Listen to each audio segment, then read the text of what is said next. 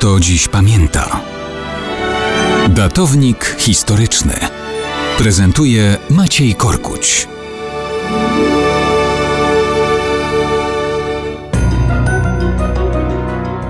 Mało kto dziś pamięta, że 16 maja 1975 roku odbyła się w telewizji premiera pierwszego odcinka serialu 40-latek w reżyserii Jerzego Gruzy.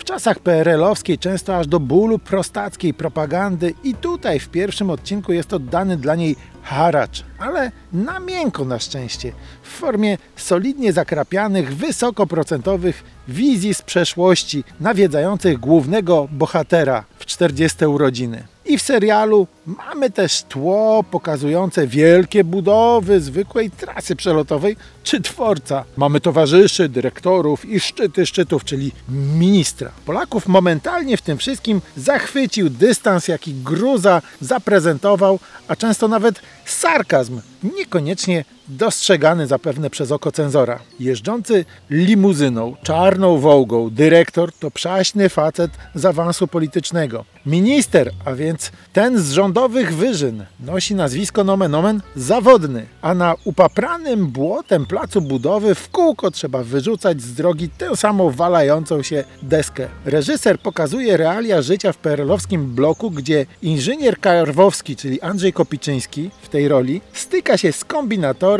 i cwaniakiem, przy czym to oni nierzadko wykazują się zdroworozsądkowym cynizmem idealnie pasującym do gierkowskiej dekady w PRL. Anna Seniuk jako Magda w szałowo odegranej roli funkcjonuje pomiędzy mężem budowlańcem, a pałającym do niej niespełnioną miłością Wojciechem Pokorą, czyli inżynierem gajnym. Irena Kwiatkowska dla milionów Polaków wciąż jest pełną niespożytej energii kobietą pracującą, która żadnej pracy się nie boi. Podobnie wyrazisty Roman Kłosowski na zawsze został w pamięci niespełnionych ambicji maliniakiem. Leonard Pietraszak jako sąsiad, lekarz i przyjaciel rodziny służy stabilnym komentarzem i zdrowo rozsądkową porcją humoru.